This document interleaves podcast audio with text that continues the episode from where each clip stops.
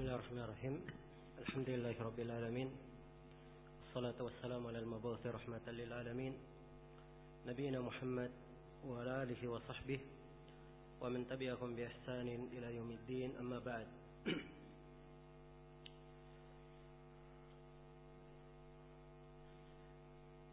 Allah Subhanahu wa taala idza sa'alaka 'ibadi anni fa inni qarib. Ujibu da'watad da'i idza da'an. Falyastajibu li waliyu'minu bi la'allahum yarshudun. Apabila hamba-hambaku bertanya tentangku maka katakanlah Sesungguhnya aku maha dekat. Aku mengabulkan Doa siapa yang berdoa kepadaku Karena itu hendaknya mereka istijabah Terhadapku Dan beriman kepadaku Supaya mereka Mendapatkan petunjuk. Ayat yang agung ini Terdapat di dalamnya sejumlah pembahasan yang agung dan tuntunan yang sangat diperlukan oleh seorang hamba di dalam menjalani kehidupannya di bulan Ramadan ini bahkan di dalam menjalani seluruh makna kehidupannya di dunia berdoa kepada Allah Subhanahu wa taala disebut di sela-sela pembahasan puasa. Karena dari sifat dan kekhususan orang-orang yang berpuasa mereka banyak berdoa kepada Allah Subhanahu wa taala. Karena itu di dalam hadis yang diriwayatkan oleh Imam Muslim Rasulullah sallallahu alaihi wasallam bersabda, "Man kana sha'iman falyusalli." siapa yang berpuasa hendaknya dia salat. Dan salat di sini dari makna secara bahasa. Karena salat secara bahasa bermakna doa. Salat secara bahasa bermakna doa. Maka diperintah untuk banyak berdoa apabila dia sedang melakukan puasa. Salah satu dari tempat doa mustajabah adalah ketika berbuka.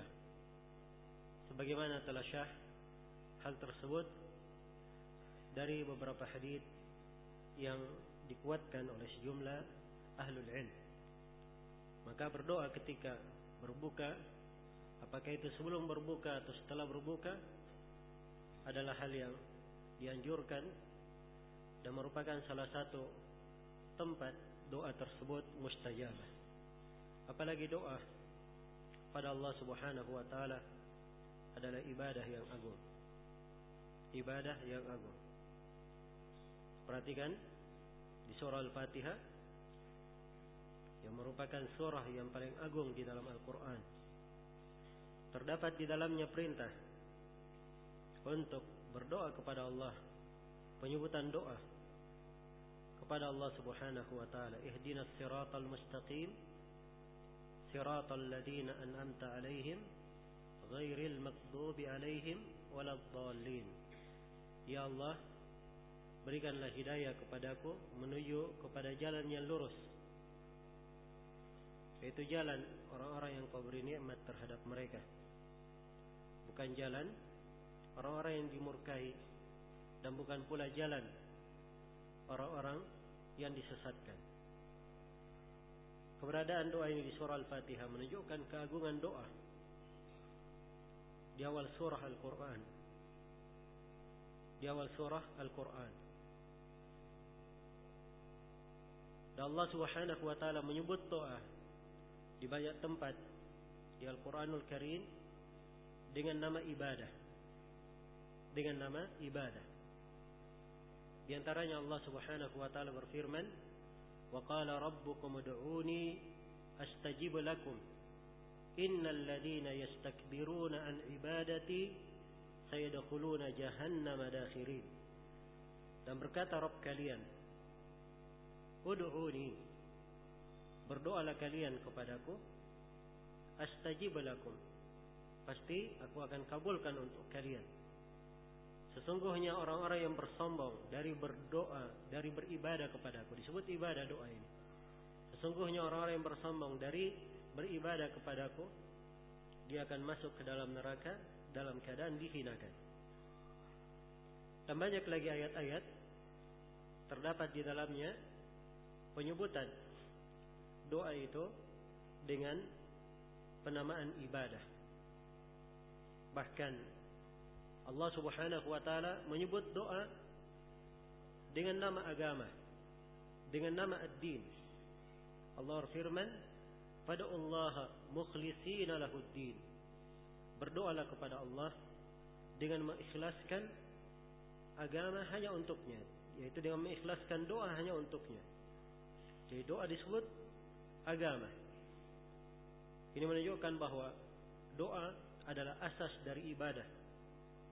Doa adalah ruh di dalam ibadah. Karena terdapat di dalamnya hakikat dari ibadah itu. Penghambaan kepada Allah. Penghinaan diri kepadanya.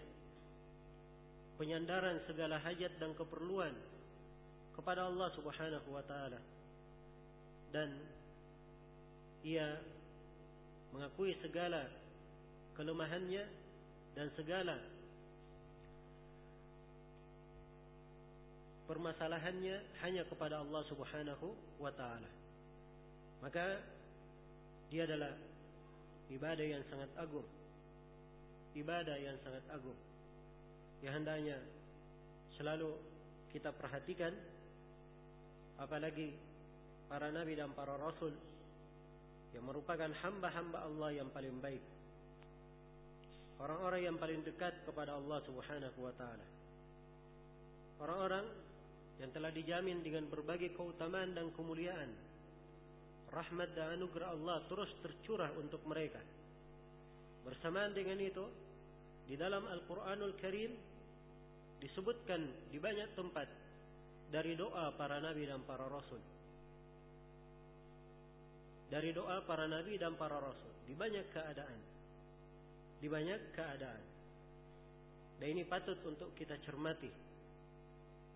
Dan seharusnya selalu kita renungi kalau para nabi saja yang sangat dekat kepada Allah Subhanahu wa taala mereka juga memiliki sifat berdoa kepadanya dan bermohon kepada Allah maka harusnya kita yang banyak jatuh di dalam kekeliruan sering tersentuh oleh dosa dan kemaksiatan sedikit ketakwaan dan jauh dari rasa takut kepada Allah Subhanahu wa taala harusnya kita lebih banyak lagi berdoa kepada Allah. Dan Allah telah menyebutkan dari sifat doa para nabi ulaika yusari'una fil khairat wa yad'unana raghaban wa rahaba wa kanu lana khashiin. Mereka adalah orang-orang yang bersegera di dalam kebaikan dan beribadah kepada kami. Berdoa kepada kami raghaban wa rahaba. Dengan penuh rasa harapan dan penuh rasa takut wa kanu lana khashiin dan mereka adalah orang-orang yang khusyuk dalam beribadahnya kepada kami itulah para nabi dan para rasul keberadaan mereka yang sangat dekat kepada Allah Subhanahu wa taala yang selalu berdoa dan bermohon kepadanya. Dan dari sifat orang-orang yang beriman, Allah Subhanahu wa taala terangkan di dalam Al-Qur'an. 'Anil madaji' yad'una rabbahum khawfan wa tama'a wa mimma razaqnahum yunfiqun. Fala ta'lamu nafsun ma ukhfiya lahum min qurrati a'yun jazaa'an bima kanu ya'malun. Tulan-tulan rusuk mereka jauh dari pembaringan. Mereka melakukan solat malam. Dalam keadaan mereka selalu berdoa kepada Rob mereka. Khawfa wa tama'a. Dengan penuh rasa takut, penuh rasa harapan. Dan mereka berinfak terhadap rezeki yang kami berikan kepada mereka. tidaklah seorang jiwa itu mengetahui dari keutamaan yang Allah berikan untuknya sebagai balasan dari amalan yang mereka kerjakan. Maka disebutkan dari sifat orang-orang yang beriman, ia berdoa kepada Allah Subhanahu wa taala. Dan Allah Subhanahu wa taala perintah di dalam Al-Qur'an, "Ud'u rabbakum tadarruan wa khufyah, innahu la yuhibbul mu'tadin, wa la tufsidu fil ardi ba'da islahiha, wad'uuhu khawfan wa tama'a, inna rahmatallahi qaribun minal muhsinin." Berdoalah kalian kepada Rabb kalian tadarruan dengan penuh pengharapan kepadanya. Selalu bersandar bermohon kepadanya. Wa khufiyah dan dengan suara yang lirih sesungguhnya Allah tidak mencintai orang-orang yang melampaui batas. Karena di dalam doa ada etika dan adab. Yang insyaallah taala kita akan bicarakan pada pertemuan yang akan datang. Kemudian Allah melanjutkan wala tufsidu fil ardi ba'da islahiha. Janganlah kalian berbuat kerusakan di atas muka bumi setelah diperbaikinya bumi itu. Dan berdoalah kepada Allah. Khaufa wa tama dengan penuh rasa harapan penuh rasa takut penuh rasa harapan. Sesungguhnya rahmat Allah sangat dekat kepada orang-orang yang berbuat baik. Dan Allah Subhanahu wa taala memerintah wasbir nafsaka ma'al ladina yad'una rabbahum bil ghadati wal 'ashi yuriduna wajhah sabarkanlah dirimu. Perintah untuk menyabarkan diri bersama orang-orang yang berdoa kepada Rabbnya pagi dan petang. Mereka mengharap wajah Allah Subhanahu wa taala. Dan Rasulullah sallallahu alaihi wasallam telah menyatakan di dalam hadis An-Nu'man bin Bashir riwayat At-Tirmizi dan selainnya doa wal ibadah. Doa itu adalah ibadah. Doa adalah ibadah. Dan dalam sebuah hadis yang dihasankan oleh Syekh Al-Albani Rasulullah sallallahu alaihi wasallam bersabda, "Laisa syai'un akramu 'ala Allah min ad-du'a." Tidak ada sesuatu yang lebih mulia di sisi Allah daripada berdoa. Karena itu dari sifat seorang hamba yang baik adalah dia menadahkan tangannya bermohon kepada Allah Subhanahu wa taala. Dia bermohon kepada Allah dengan kehusyukan di dalam hati. Dia bermohon kepada Allah Subhanahu wa taala dengan selalu mengharap kebaikan dari sisinya. Dia bermohon kepada Allah Subhanahu wa taala dengan segala harapan dan penuh rasa takut.